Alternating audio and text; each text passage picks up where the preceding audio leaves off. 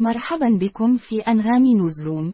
أنتم الآن مع الذكاء الاصطناعي الذي يقدم لكم أبرز الأخبار لهذا اليوم الثلاثاء الثلاثين من يناير. نبدأ بأخبار العالم، حيث تدعي إسرائيل أنها دمرت مقبرة في غزة كان يمر من خلالها نفق، ولكن زيارة للموقع أثارت المزيد من الأسئلة بدلا من الإجابات.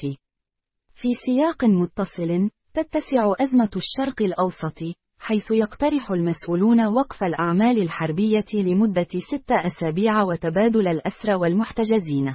ننتقل إلى أخبار الشرق الأوسط، حيث يكشف ملف إسرائيلي عن اشتراك مزعوم لعمال الأونروا في هجوم السابع من أكتوبر.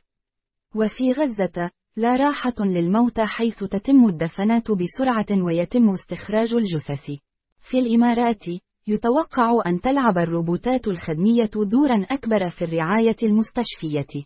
ننتقل الآن إلى أخبار الأعمال، حيث تشير التحليلات إلى أن الولايات المتحدة تتقدم في السباق الاقتصادي مع الصين. في عالم التكنولوجيا، ترتفع أسعار النفط بفضل القلق الجيوسياسي. وفي الرياضة، حظرت محكمة التحكيم الرياضية الفائزة بالميدالية الذهبية، الروسية كاميلا فالييفا لمدة أربع سنوات.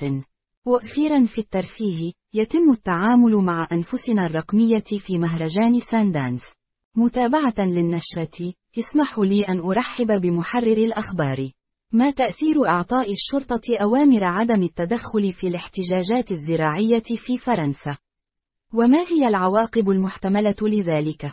يعطي قرار عدم التدخل الشرطي في الاحتجاجات الزراعية في فرنسا إشارة قوية بأن الحكومة تدرك استياء المزارعين وترغب في حل المشكلة بشكل سلمي.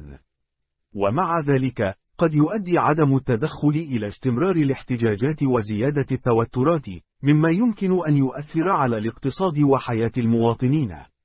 من الضروري أن تعمل الحكومة على إيجاد حلول دائمة لمشاكل المزارعين لتفادي تصاعد الأزمة. هذا كل ما لدينا لليوم، شكرا لاستماعكم ونتطلع لمشاركتكم المزيد من الأخبار في الغد. ونوصيكم بالاستماع إلى أغنية إزاي للفنان محمد منير على أنغامي.